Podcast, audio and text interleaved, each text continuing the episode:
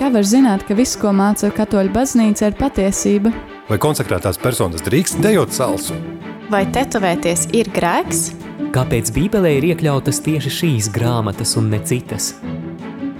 Priestera katehēze Meklē atbildes uz ticībai svarīgiem jautājumiem katru darba dienu 9 no rīta.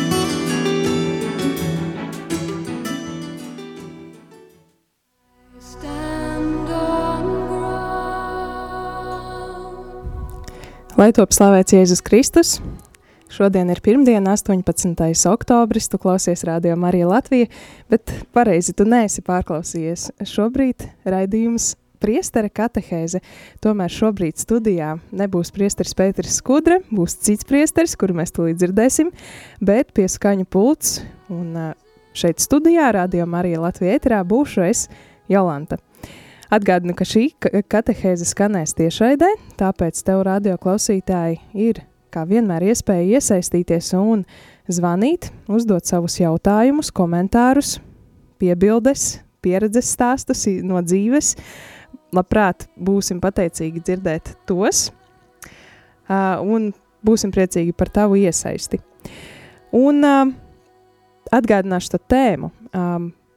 Pirms pavisam neilga laika ir sākts jauns katehēzes cikls, un tas ir par baušļiem. Šajā katehēzes ciklā tad tiks aplūkoti visi desmit dieva baušļi, un um, pirmais bauslis jau ir izrunāts, par to jau ir uh, bijusi katehēzē piekdien, bet šodien tātad otrais bauslis. Otrais bauslis, un šo bausli mums palīdzēs labāk un dziļāk izprast un komentēs arī priesteris Renārs Birkaus. Tad slavēts Jēzus Kristus, labrīt! Mūžīgi mūžam slavēts! Tāds patiesas prieks būt jūsu ēterā un uzrunāt jūs un par tādu ļoti skaistu tēmu, par vienu no ļoti skaistām tēmām, kas ir Dieva baušļi. Un es domāju, ka jau tad, kad runājāt par pirmo bauslu, vai vispār bija kaut kāda varbūt ievada katehēze par šiem baušļiem, tad uh, dzirdējāt varbūt arī tādu frāzi, ka dieva baušļi tas nav nekas cits kā tāds īsts mīlestības apliecinājums. Mīlestības apliecinājums dievam un mīlestības apliecinājums uz citiem cilvēkiem. Un var teikt, ka par dievu baušļiem, kad runā, ir tās ja Mozus, kad saņem šos desmit dievu baušļus, viņš tiek attēlots ar divām plāksnēm. Tā viena plāksne ir tā, kas attiecas uz baušļiem mīlēt dievu un otrā mīlēt tuvāko. Kā Jēzus to ir teicis, ka tie ir paši vissvarīgākie baušļi - mīlēt Dievu, mīlēt tuvāko. Un tad pirmie baušļi ir, pirmie trīs baušļi attiecas mīlēt Dievu, un otrie, no sākot no ceturtā baušļa līdz pat desmitajam, ir mīlēt tuvāko kā sevi pašu. Un ļoti interesanti šodien, kad svinam svēto evaņģēlistu Lūkasu, Un šodien evanģēlīja lasījumā man patīk tie vārdi, kur teiks, ka Jēzus sūtīja viņus pa diviem sludināt Dieva, dieva vārdu, sludināt šo evanģēliju, dziedināt. Un vēl skaistāk man patīk, kā Svētais Gregorijs Lielais to komentē, ka kāpēc tieši divus viņus sūtīja. Un ka tieši arī abi divi šie mācekļi sludina šo dieva mīlestības vēsti. Viens, kā saka, mīlēt Dievu, un otrs mīlēt tuvāko. Abi, abi šie mācekļi ir kā simbols šiem dieva un tuvāku mīlestības baušļiem. Un tad, jā, šodien mēs uh, runājam par otro dieva bausli, kas ir tev nebūs dieva sava kunga vārdu nelietīgi valkāt. Un um, bauslis, ko esam droši vien ļoti bieži dzirdējuši, Un tik daudz esam par to varbūt arī runājuši, un daudz par to mums ir atgādināts. Varbūt arī, kad mācījāmies pirms pirmās svētās komunijas, vai, vai pirms kristībām, vai, vai vienkārši kādā citā kategorizē piedalījāmies. Tad, tad šis otrais bauslis prasa cienīt dieva vārdu. Jo, kā svētie raksti jau vecajā derībā saka, ka dieva vārds ir svēts. Piemēram, pravietis Zahārijs saka, ka lai klusu ir ar miesu apveltītā radība kunga priekšā. Psalmos, piemēram, mēs dzirdam to, dodiet kungam viņa vārda godu. Un proti, dieva vārdu, kas arī katehisms saka, var izrunāt tikai tad, lai svētītu, slavētu un godinātu. Un kā jau arī pieminēju, ka svētajos rakstos gan pravieši, gan psalmi izsaka to, ka dieva vārdu ir jāizrunā ar svētām jūtām un ar, ar īpašu bijību. Tas arī, es domāju, ka mūs var veicināt tādu apziņu par, par Dieva klātbūtni, ka Dievs ir klāts. Jo varbūt mēs pie tā ļoti pierodam, īpaši tad, kad mēs ejam katru svētdienu vai pat katru dienu uz baznīcu. Pierodam, kad ienākam, tur pārkrustāmies vai tur sveikīto ūdeni. Tad varbūt pandēmijas laikā tas gan nav aktuāli, bet pirms pandēmijas, kad pie ieejas baznīcā bija vienmēr svētītais ūdens, ar kuru varēja ap, pasvētīt roku. Iemērkt roku un apzīmēt sevi ar krustazīmi un noskūstīt krustu. Pie tā varbūt mēs tik ļoti varbūt bijām tik pieraduši, bet patiesībā to darot katru reizi apzinoties par, par Dieva klātbūtni. Vai arī cilvēki, kuri tie saucamie, kas ir piekalpo vai pie altāra misas laikā, ministranti vai arī zakristians. Nu, Galu galā mēs paši arī priesteri esam ļoti tuvu kaut kādām ļoti svētām lietām, Zakristijā vai pie altāra arī ļoti pierodam, ka tas viss ir tik tā, nu, reizēm pat nedomājam līdz, ko mēs darām, tur sagatavojam priekšmetu svētajai misē, to, to.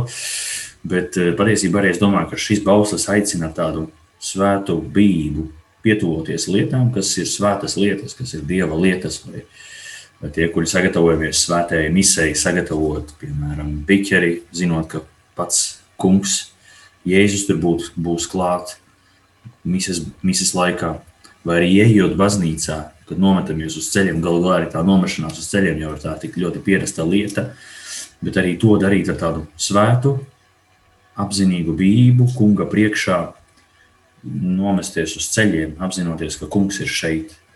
Bet tādu, tad arī runājot tālāk par šo pašu bausli, eh, arī katehisms mūs aicina apliecināt mūsu ticību ka apliecināt, ka esam kristieši, ka, ka ticam Dievam, ka, ka Dieva vārds mums ir svarīgs. Patiesībā jau kristietim viņa dzīves mērķis ir Dievs. Viņš dzīvo priekš Dieva, lai iemantotu Dieva valstību un visu, ko viņš dara. Tas viss ir Dieva vārdā vai saskaņā ar Dievu. Un, protams, nedaudz vēlāk mēs runāsim vairāk par tiem grēkiem, kas ir pret šo bausli, bet tas pirmais un tas pamats, kas ir grēks pret šo bausli, aizliedz nepiedien, nepiedienīgi lietot dieva vārdu. Varbūt esam daudz dzirdējuši, un to jau mācīja mums pirm, pirms pirmās svētās komunijas daudziem, kas saka, nu jā, tad ne, izvairīties no tām situācijām, kur teikt, tu ai, Jēzus, Marija vai Kungs vai, vai kaut kādas tādas lietas, vienkārši piesaucot to nevietā. Bet piemēram, tas ir attiecas arī, arī, piemēram, uz pašu vārdu Dievs vai tieši Jēzus, Marija? Tur, uh, patiesībā katehizms saka, ka tas attiecas uz jebkuru vai Dievs, vai Jēzus, vai Marija, vai jebkuru svēto vārdu. Ak, kungs, vai tur, vai arī pieņemsim tad, kad runā kaut kādus muļķīgus jokus un pēkšņi to vārdu lieto. Nu, tas arī kā īpaši nav pieniekami. Protams, varbūt citā situācija ir, ja kāds ir nedaudz tādā saucamajā stresa situācijā, nedaudz sanervozējis un viņš piesauc dieva vārdu. Varbūt tas ir tā mazāk, bet tad, kad lieto pilnīgi tādās muļķīgās, nevajadzīgās lietās, vai, vai, vai, vai vēl kaut ko, tad tur pēkšņi vienu baumu izstāsta, tad visiem vajag smieklīgi kaut kāda bauma, un tas ir kā jēziņa. Nu, vai tiešām tur tā bauma vai tas muļķīgais joks, tur tiešām dieva vārds ir vajadzīgs saskaņā ar to Jauniešiem bieži aicina turēties ar, ar bību. Bet patiesībā tas ļoti bieži notiek ļoti neapzināti un tā, bet tāpat laikā domāt, kad mēs Dieva vārdu piesaucam, kad mēs domājam par Dievu. Kaut arī par Dievu mēs esam aicināti domāt ik brīdi, tas arī mums arī palīdz izvairīties no tādām nevajadzīgām situācijām un nepiesaukt Dieva vārdu tur, kur nevajag. Eh, tad, protams, mēs pēc tam varbūt ieklausīsimies kādā dziesmā, ne, nelielā pārtraukumā aiziesim. Un tad pēc tam pievērsīšos tādai nedaudz nepatīkamai tēmai par, par grēkiem pret šo bausli. Uh mhm. -huh.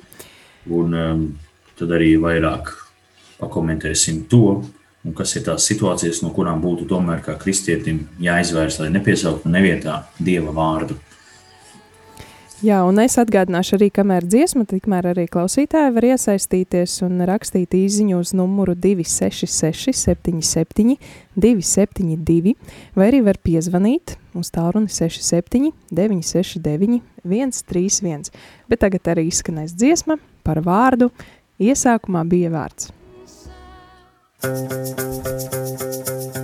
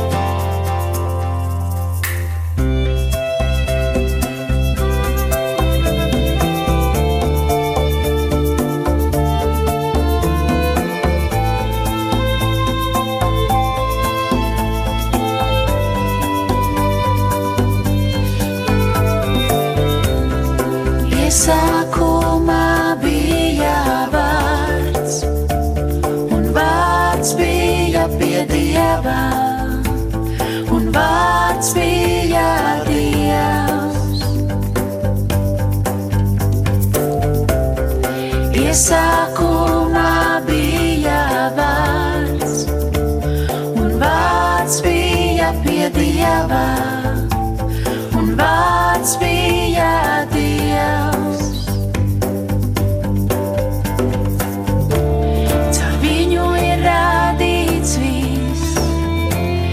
Viss redzamais un neredzamais, un viss, kas tā parādīts, bija ļoti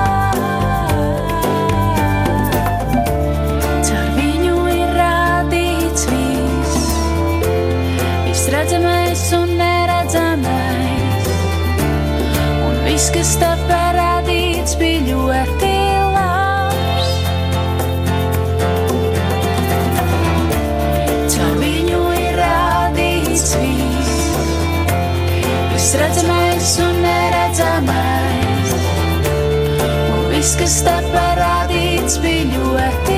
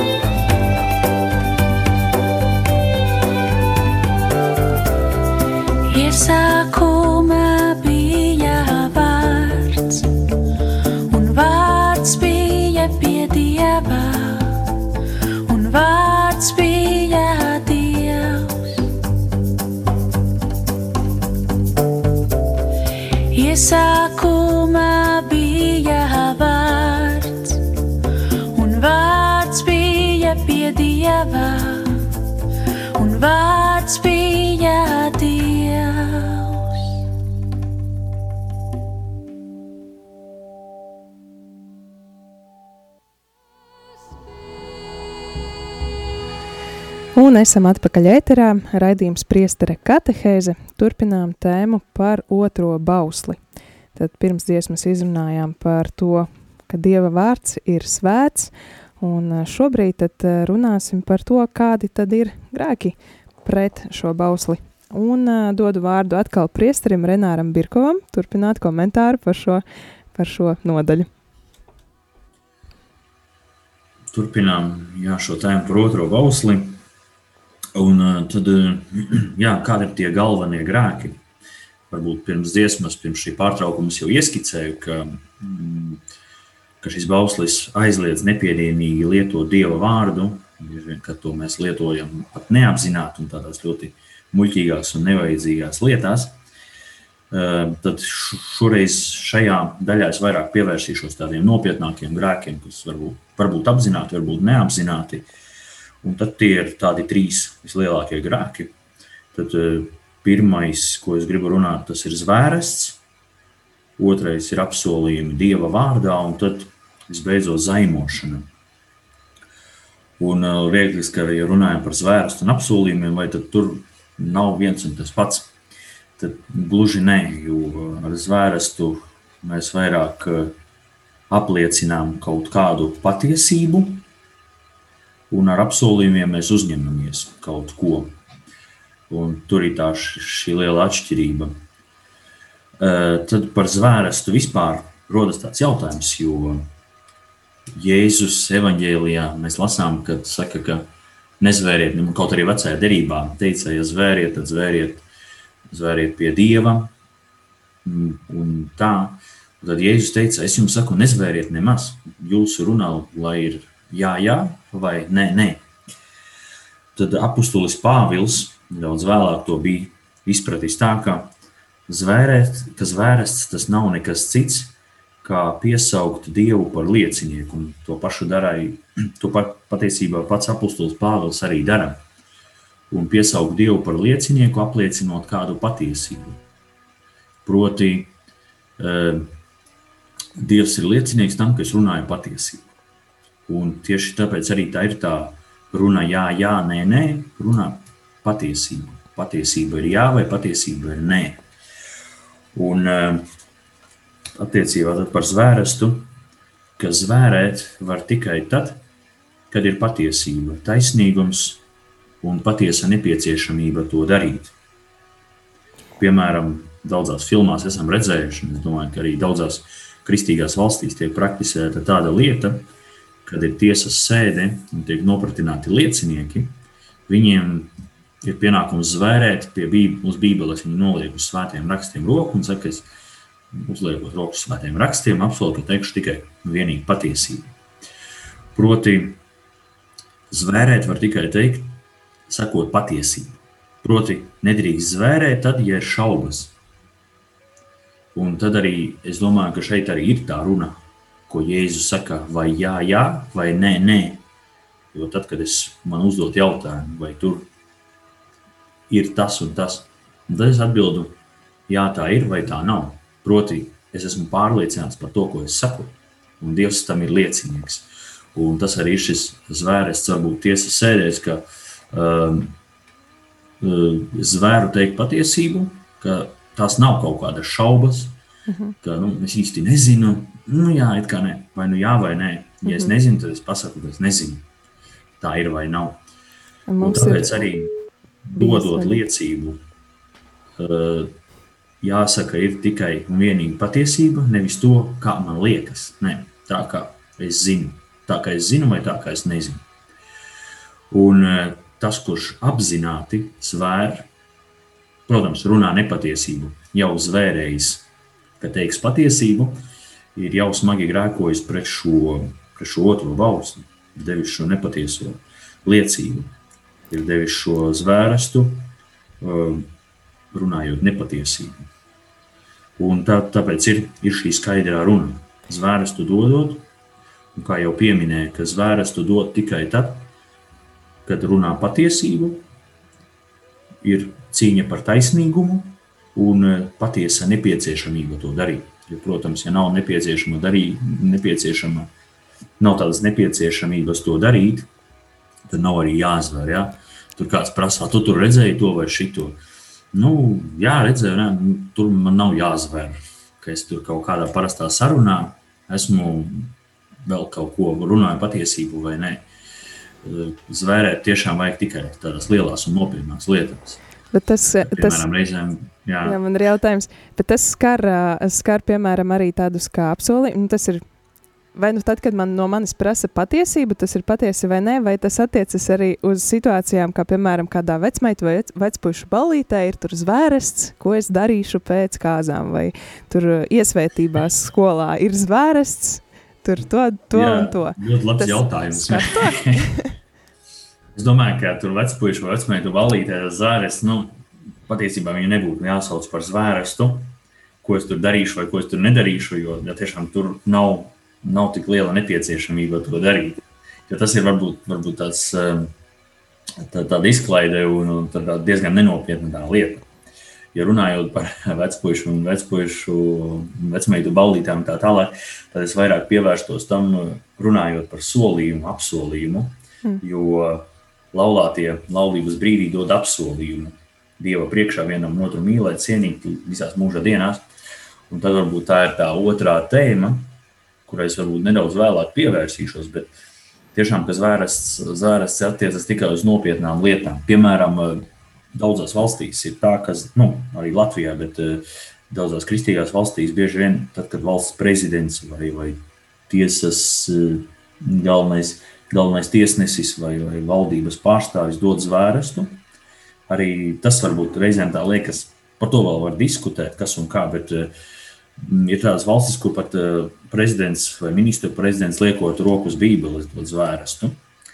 Proti, ka to arī viņš runā patiesību, piemēram, uzņemoties valsts vadītāja pienākumus, zvēru, to visu pārējo, ko viņam vajag solīt. Ja viņš tur runā patiesību, tad viņš arī saka, jā, jā, nē, nē. Jo ar zvērstu viņš apliecina Dieva priekšā savas sirds tīros nodomus, ka viņš tiešām ir ar savu sirdi, ar savu apziņu, uzņemās valsts vadītāja pienākumus un rūpēties par to un to, ko jo galu galā laicīgā vadība arī ir, ir Dievam padota un ļoti svarīgs uzdevums. Viņš uzņemoties ļoti svarīgu uzdevumu, dod zvērestu. Tur ir šeit tiešām šāda arī nepieciešamība to darīt, un ir tāds taisnīgums. Tāpat arī karavīrs vai policists arī dod zvērstu, tad viņš arī apliecina to, ka tie vārdi, ko viņš izsaka zvērstā, tā ir patiesība, ka viņš tiešām to apņēmas darīt, ka viņš ir gatavs to darīt. Un tas ir šis, šis, šis varbūt zvērsts, kur arī runā patiesību, lai, un Dievu piesauc par liecinieku tam, ka viņš runā patiesību. Bet, nu, varbūt tādās, tādās izklaides lietās un tā visu pārējo, kur nav tādas nopietnības, varbūt ar tiem zvērstiem tur tā īpaši nevajadzētu aizrauties. Bet, nu, protams, daudz un dažādas ir šīs situācijas. Un tad otrs grēks, tāds viens no smagākajiem grēkiem, ir eh, apsolījumi, apsolījumi Dieva vārdā vai apsolījumi Dievam. Eh, tad eh, patiesībā šie apsolījumi Dieva vārdā iesaista Dieva godu, patiesību un Dieva autoritāti.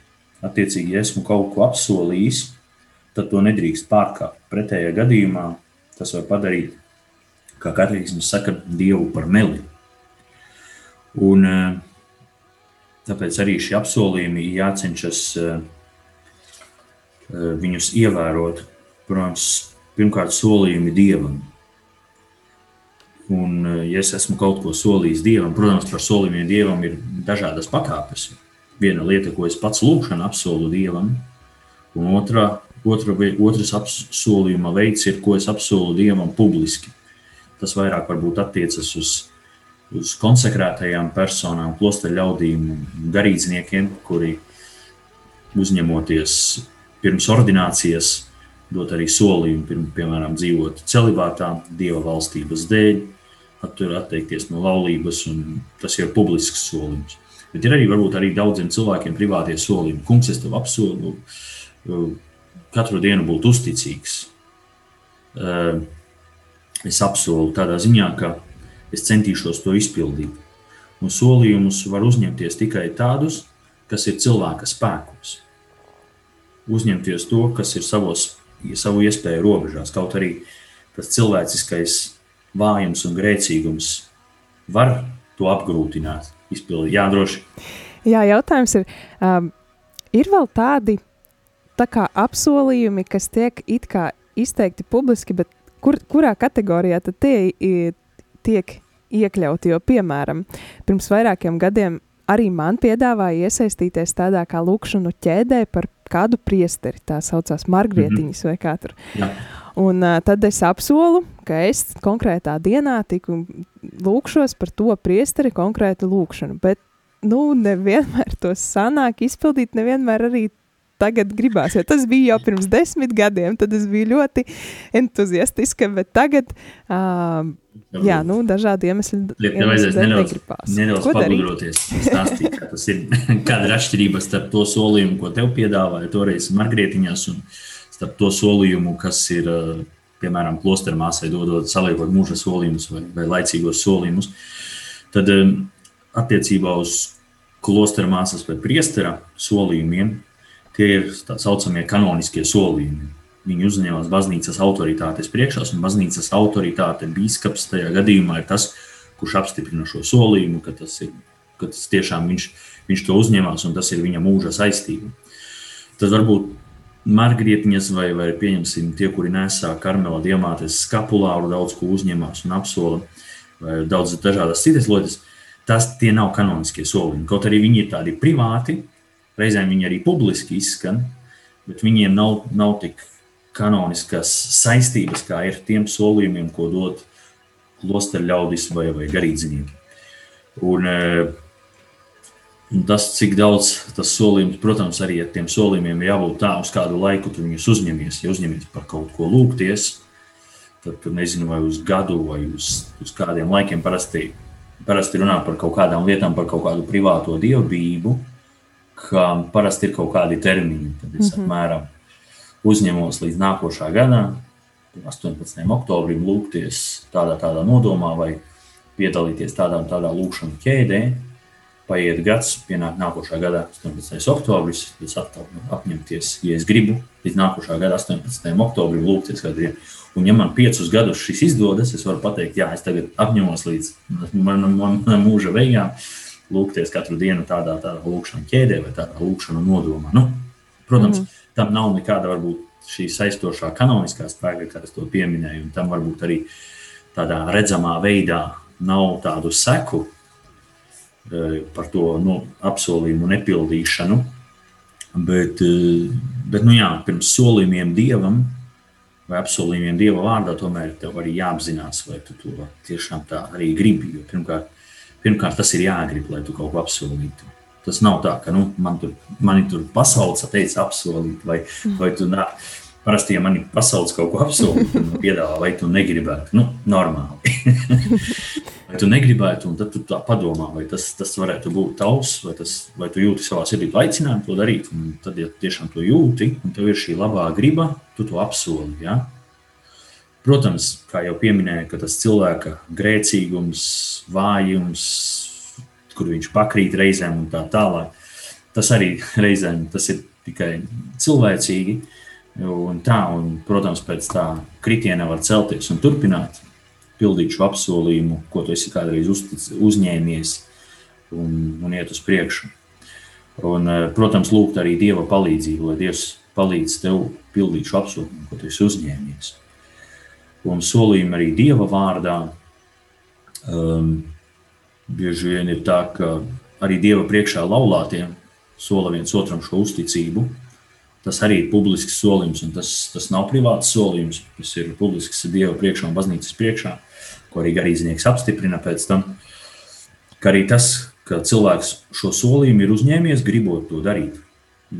Piemēram, puisis vai meitene, viņš tiešām apsola savam līgavainim vai līgavai ka tiešām viņu mīlēs un cienīs. Kaut arī zinot, ka cilvēka spēkos tas ir iespējams, zinot arī to, ka cilvēciskais vājums var nest nemazums grūtību, bet viņš to apsola, viņš to uzņemās, viņš to grib. Un tāpat arī jebkuru lūkšanu vai jebkuru apsolījumu dievam, lai uzņemtos, pirmkārt, es to gribu un, un apsūdu. Un tas ir manos spēkos. Kaut kāda lieta, ka tagad es apsolu Dievu, ka es tagad nezinu, tur visus Amerikas iedzīvot, iedzīvotājus pievērsīšu ticībai Dievam. Ja? Nu, tas ir ne, ne, tāds nereāls notikums, un tādas lietas nesolu. Vai arī es tur tagad došos, apsolu, ka došos uz Austrāliju, tur darīšu to. to. Pirmkārt, izdomā, vai tas ir iespējams, vai tu esi, vai tu esi spējīgs nokļūt līdz Austrālijai, vai tur nezinu, kaut kur vēl. Lieta, kas ir iespējama ar tavām, ar tavām spējām, ar tavām rokām, ar tavām kājām un ar tavu prātu, to realizē. Un tas ir šis solījums. Mhm. Un tad, eh, jā, tad tas trešais grēks ir eh, zaimošana, dieva vārda zaimošana. Un tas ir bieži vien tāds naids pret dievu, pārmetumi, izaicinājuma vārdi, izsmiešana pret dievu, pret visvētāko jauno Mariju, pret eņģeļiem, svētajiem un vispār pret svētām lietām. Un uh, svētajos rakstos gan mēs uh, lasām, ko Jēzus saka, ka grēki pret svēto garu, proti zaimošana pret svēto garu, netiek piedota. Kaut arī visus grēkus Dievs var piedot, gan, š, gan šeit, esot šeit, gan jau esot mūžībā, var, var piedot šos grēkus, bet par šo zaimošanu pret svēto garu. Nē. Jo kas tad varētu būt šī zaimošana pret svēto garu? Tā ir tāda pilnīga, pilnīga dieva noliekšana. Atteikšanās no dieva mīlestības, atteikšanās no pestīšanas un, eh, un arī citiem cilvēkiem liekot šķēršļus, nepieņemt, eh, lai viņi nepieņemtu dievu, lai nepieņemtu šo dieva mīlestību. Un, uh, zaimošana bieži vien varbūt arī apzināta. Vislielākais grēks ir apzināta zaimošana. Tas ir tad, kad es skaidri zinu, ka es daru to, kas zaimo Dievu. Tie ir dažādas zīmes, žesti, eh, vārdi, eh, nezinu, visādi simboli. Pat ir daudz dažādu simbolu, ar, nezinu, vai pirkstu kombinācijas un viss pārējais, ko nozīmē. Ir viena lieta, ka kāds zina, ko tas nozīmē un uh, tiešām to dara un zina, ka to viņš zaimo dievu. Tas ir tiešām tāds apzināts dieva zaimošana. Vai tur mm, rādītāja pirksta un mazā pirksta tā pacelšana gaisā. Kādreiz daudz jauniešu domā, ka tas ir kaut kas, nezinu, kā tas ir tagad, bet kādreiz tas bija. Domāju, ka tas ir kaut kas baigi foršs, baigi stilīgs. Kaut arī viņš nezināja, ka, viņš to, ka tas ir kaut kāda sātanistu zīme vai, vai sātana, sātana slavināšana, jā, tāda nostāšanās pret Dievu liekas, ka tas ir tāds kaut kas baigi, baigi stilīgs. Nu, varbūt tas grēks ir mazāks, viņš tiešām to nezina. Bet, ja viņš to zina, vai arī zīmēšana uz sienām, sienām dažādu sātanistu zīmējumi, apgāsts, apgāsts krusts, proti, krusts atgārni un vēl visas pārējās zīmes, tā ir šī zaimošana pret Dievu, un, ja to dara apzināti, tad ir šis smagais grēks. Un, protams, kristietim ir jāizvairās no, no jebkādām lietām, kuru mērķis būtu zaimošana, dažādas izrādes vai pasākumi, vai kur, kuru mērķis ir mm, zaimošana. Tāpat arī kapavietu apgānīšana un vispārējais. Jā, droši. Jā, un tu, Priestri, jūs minējāt par to, um, par tām izrādēm. Mēs bieži vien sastopamies ar to, ka teātris izrādēs vai filmās ir um, tēma par reliģiju un bieži vien ne tajā labākajā gaismā, bet ko mm. darīt tad, eh, piemēram, aktierim, kurš ir ticīgs un kuram tas ir darbs? Aktierim, kuram tas ir viņa darbs, protams, ir jāskatās, kas ir tā izrāde vai filma, kurā viņš piedalās, kurā viņš piedalās ar to filmēšanos. Jo viena lieta, ja viņiem, viņš piedalās kādā epizodē, kur viņam jātēlo cilvēks, kurš nejaušības pēc tam piesauc dieva vārdu vai, vai tādu, kurš tēlo kristieti, bet zvēr nepatiesas lietas un visu pārējo. Tā ir tāda epizode. Tad, eh, tad tur, protams, nekādu pretrunu ar to nav. Tas ir darbs, un viņš vienkārši to parāda. Bet cita lieta ir iesaistīties kaut kādā izrādē, vai pasākumā, vai, vai filmā, kuras mērķis jau ir dieva zaimošana. parādīt, ka tas ir ok, un ka tā, ka, ka ar to viņš sasniedz kaut kādus labus mērķus un tā tālāk. Ka, ka tad ir jāizšķir, vai, vai tās pašas, vai tā pašā pasākumā visa būtības centrā nav tā dieva zaimošana. Ja tas nav pašā, pašas izrādes būtība, tikai kāda epizode, tad tur, tad tur varbūt nav tas trakākais. Cita lieta arī zaimošana, dieva vārdu piesaukt. Bieži vien tas varbūt ir bijis politikā vai, vai vēl kaut kur, nezinu, bieži vien runā par kaut kādu partiju, kas ir dieva vārdā un tā tālāk, ir kristiešu partija un tā tālāk, kas pēc būtības nav grēks. Un, ja to tā var izdarīt, labi izdarīt, tad ir ok. Jo ir daudzas valstis, kur ir šīs politiskie spēki ar kristīgu ievirzi. Cita lieta, ja to dara dieva vārdu piesauc, ir, pieņem, ir piemēram politiķis, viņš iesaistās partijā, kristiešu partijā, bet viņa mērķi absolūti nav kristieša mērķi. Viņam ir sautīgas intereses, viņam ir sava politika, viņam ir savas intereses, viņam ir savi lobby un tā tālāk. Bet nu, viņš izdomāja, ka viņš iestāsies tagad kristiešu partijā un dieva vārdā. Viņam visi ticēs par viņu balsos, un, bet nu, viņš turpinās darīt tur, tas, kas ir viņam. Tad tā ir arī tā zaimošana pret dieva vārdu, nepiedienīga dieva vārda valkāšana. Protams, cita lieta ir tiešām politiķis kandidē ar šo apziņu, ka veicināt kristīgās vērtības un savu politiķa karjeru veidot saskaņā ar dieva baušļiem, ar evaņģēliju, tad ir pavisam savādāk.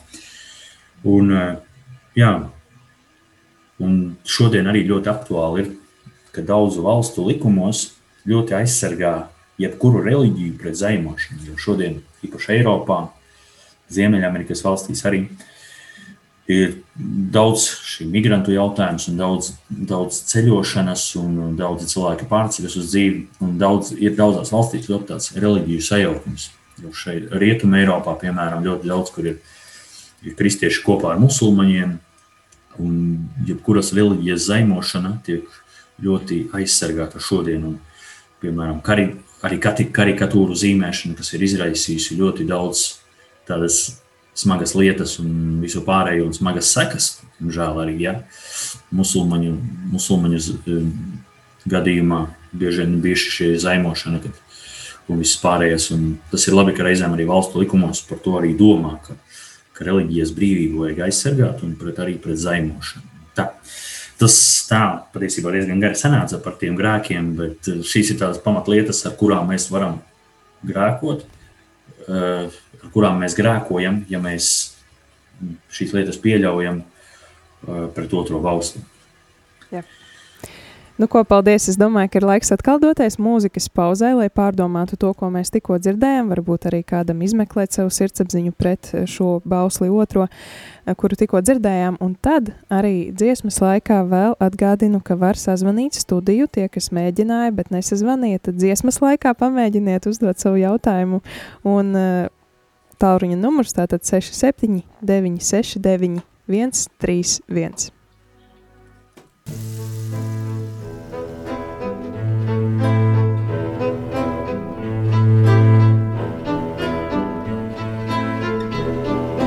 Klausies, Izraēl, klausies un nedraudi,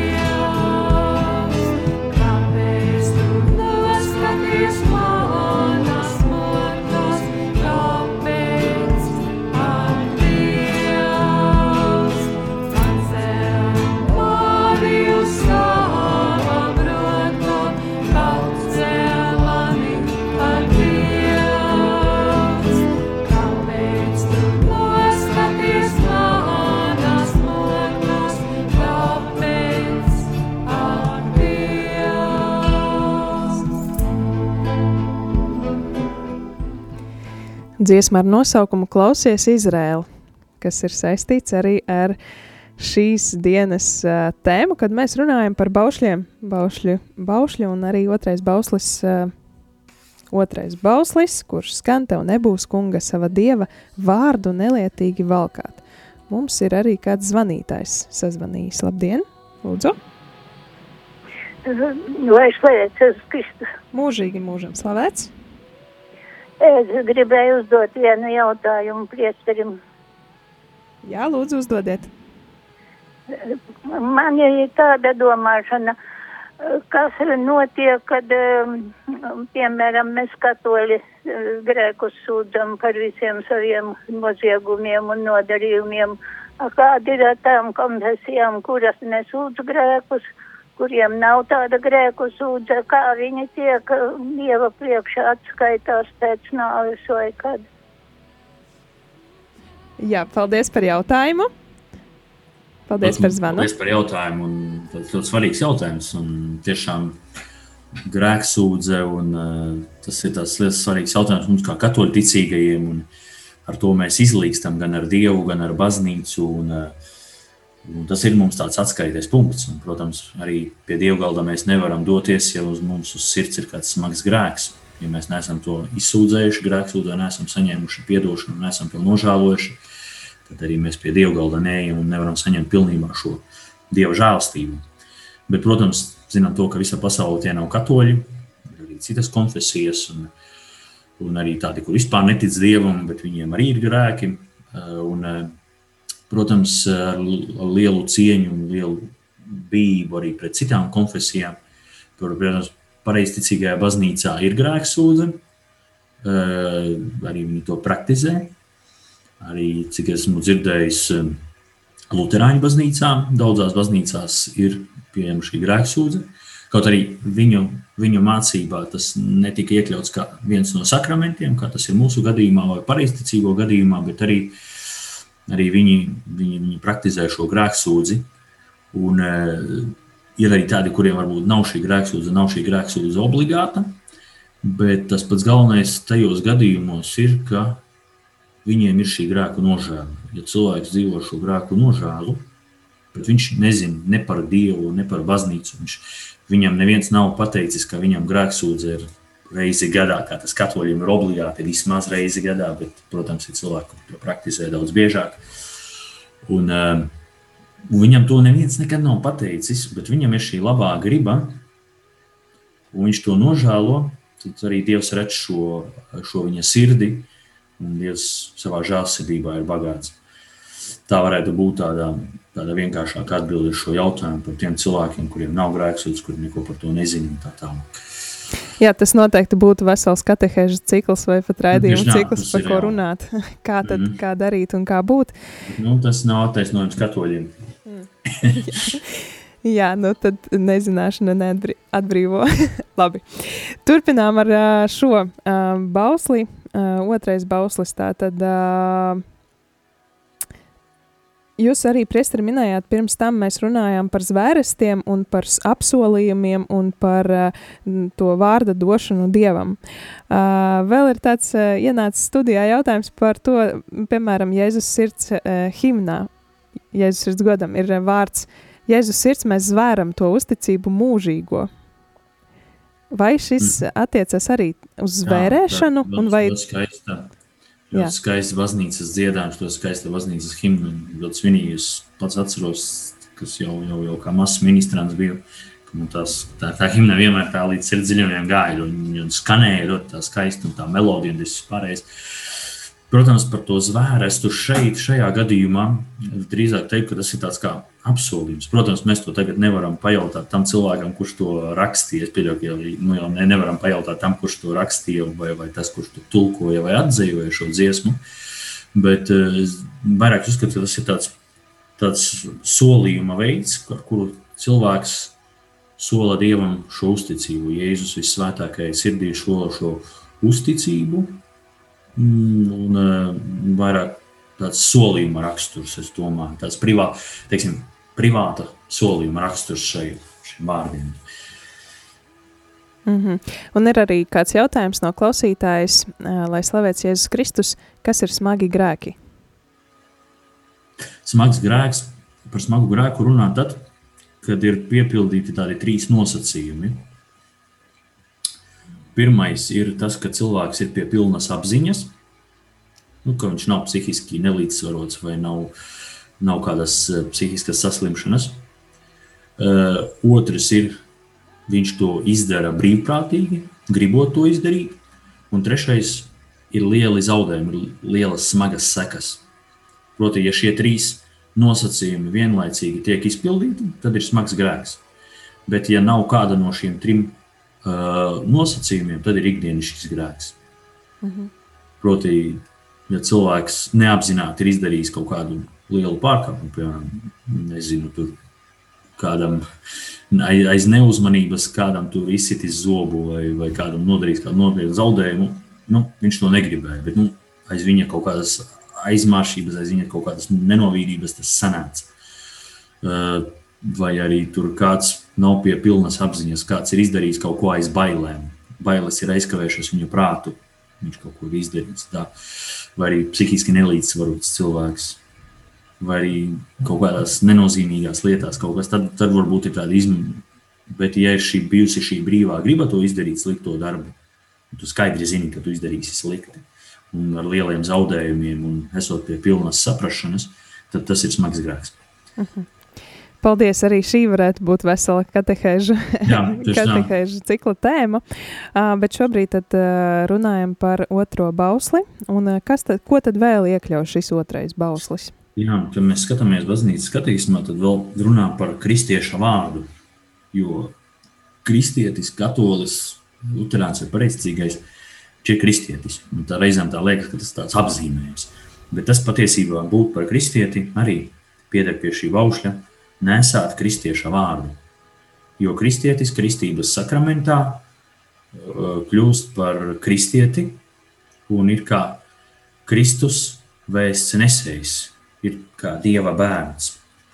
Un apzinoties to, ka uh, būt par kristieti, tas nav nekas cits, kā būt par, uh, par Dievam, mm, kā, kā Dieva atpirktu cilvēku, kā par Dieva bērnu, kurš Dievam ir patīkams. Tas ir kristietis. Un tāpēc arī būt par kristieti, tas nozīmē cienīgi nesāt šo vārdu, dzīvot pēc kristīgās dzīves principiem, pēc evaņģēlija, pēc Dieva baušļiem. Un eh, kristībā, runājot arī tālāk par šo kristības sakramentu, kad cilvēkam tiek dots arī vārds pie kristībām. Un tāpēc arī vecākiem, kuri pirms kristībām dod bērnam vārdu, ir jāizvēlas tādu vārdu, kas nav pretrunā ar kristīgo ticību. Un, um, tas ir arī šis kristiešu vārds. Ir daudzi, kur arī pieņem kristību, arī vēlākā vecumā, kad jau paši apzinās. Un reizēm arī viņi paši izvēlas kādu sev kristīto vārdu, vai arī vecāki bērnam izvēlas kādu vēl otru vārdu, kas nav obligāti. Uh, arī kādu svētā vārdu, vai to, ka viņš arī centīsies dzīvot, ka viņš ir veltīts dievam, šis bērns, un ka viņš arī centīsies dzīvot kā šis dieva draugs, svētais, kurš bija uzticīgs dievam un dzīvoja kā kristietis un, un godam nesa šo kristieša vārdu. Eh, Bet arī nav, nav obligāti jāliek šie svēto vārdi, arī vienkāršākie vārdi, lūk, kuri varbūt vēl nav svētie. Ja? Tikpat labi arī kāds pirmais būtu svētais, kurā, kurā vārds nav, eh, nav, nav vēl dzirdēts starp svētajiem. Vai ir tāds svētais renārs, piemēram? Ko man? Svētais renārs. Uh, jā, tādus vēl neesmu atradis. Kaut arī ir līdzīgi vārdi atrasti. Itā, itāļu un spāņu man stāsta par vienu svēto Renato. Vārds ir ļoti līdzīgs. Tad, kad man ir grūtības ieskaidrot, kā mani sauc, tad es saku Renato. Ah, Renato! kad viņiem grūti izrunāt manu vārdu vai vēl kaut ko. Bet, protams, arī apsveicam ir šī doma, kad liek bērnam svēto vārdu, kā svētais Pēteris, Jānis un vispārējie tradicionālie vārdi, Terēze. Un tā, bet katrā ziņā, lai šis vārds, ko, kas tiek dots kristietim, ka tas nav pretrunā ar, ar Dieva valstību, ar Dieva likumiem, nezinu, ļaundaris vai, vai sātans vai vēl kaut kāds tāds vārds, protams, ka, nu, mm, tad arī nevajadzētu, nevajag likt bērniem vai arī izvēlēties kā savu kristīgu vārdu. Starp citu, nesen bija veikalā, un uh, tur kāda sieviete sauca savu sunīti, kurš viņai skrēja pretī. Viņa ir Lucifer, Lucifer. Jā, un ja bērnam ieliek šādu vārdu, tas tomēr kaut arī burtiski viņš nenozīmē neko sliktu. Gluži otrādi, tas nozīmē kā, kā, gaismas, kā gaismas nesējs, mm. bet, nu jā, zinām, ka tas ir grēkā kritušais eņģelis, un, un ka šis grēkā kritušais eņģelis ir pret Dieva valstību un tā. Un, jā, tas ir par to, ka arī kristietim ir jā, jābūt ar šādu cienīgu vārdu, jo Dievs katru cilvēku sauc vārdā. Tas ir svētie raksti. Un arī kristietis savu dienu sāk ar krustazīmi, kas arī apzīmē viņu kā kristieti svētās trīsvienības vārdā. Un tas ir šī arī Dieva vārda nešana. Un tas tā īsumā, nu, patiesībā ne īsumā, bet tā izklāstot būtu arī viss.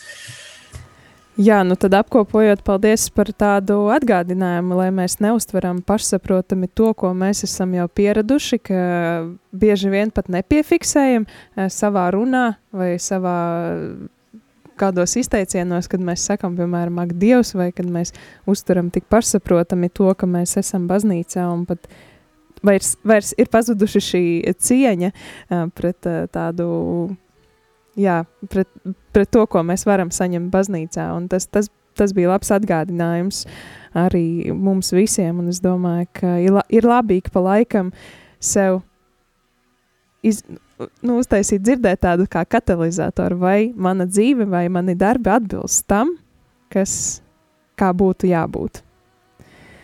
Tā kā, vai es esmu dievam patīkams, un vai es tiešām esmu arī šī vārda kristietis, cienīgs nesējs. Laikam tā. Tas tāds, no manas puses būtu tāds, tas, ko es paņemšu no šīs katehēzes. Es domāju, kā klausītājiem, ko jūs paņemsiet, varat droši arī uzrakstīt un uz, um, uz ēteru izziņas veidā. Ļoti priecāsimies par tavu atziņu. Tad uh, atgādinu, ka ir uh, vēl joprojām var sazināties ar studiju, rakstot īziņu uz numuru 266 77 272. Lūk tā. Varbūt priesteri pašam kāds pēdējais novēlējums vai apkopojums saistībā ar šo tēmu. Mm. Es domāju, ka jā, mans novēlējums, lai esam, lai esam uzticīgi, uzticīgi Dievam, jo Dievs ir uzticīgs tam, ko Viņš ir apsolījis mums. Jo Dievs mums ir apsolījis, ka Viņš mūs glābs, ka Viņš mūs pestīs, ja mēs būsim Viņam uzticīgi. Un tāpēc to, ko Dievs ir apsolījis, Viņš tam būs uzticīgs. Tāpēc vai saņemamies un esam arī mēs uzticīgi. Sarunāts, paldies par atgādinājumu. Nu, un tad uh, arī, Paldies. lai, lai jums tur svētīgs laiks, kur jūs šobrīd atrodaties? Um, Spānijā Spānijā. strādāju pie mana doktora darba. Labi, tad lai veicās, lai tiešām Dieva svētība un izturība. Savukārt Paldies. mēs tad noslēdzam šo priesteri katehēzi un radio studijā biju pie skaņa pults. Tad es, Jolanta, un attālināti no Spānijas priesteris Renārs Birgaus. Paldies, Jolanta! Tev arī ir svētīgi! Paldies! Kā var zināt, ka viss, ko māca katoļu baznīca, ir patiesība? Vai konsekrētās personas drīkst dejot salsu? Vai tetovēties ir grēks? Kāpēc Bībelē ir iekļautas tieši šīs grāmatas un ne citas? Priestera katehēze Meklē atbildes uz ticībai svarīgiem jautājumiem katru darba dienas rītu pulksteni 9 ar atkārtojumu pulksteni 11 vakarā.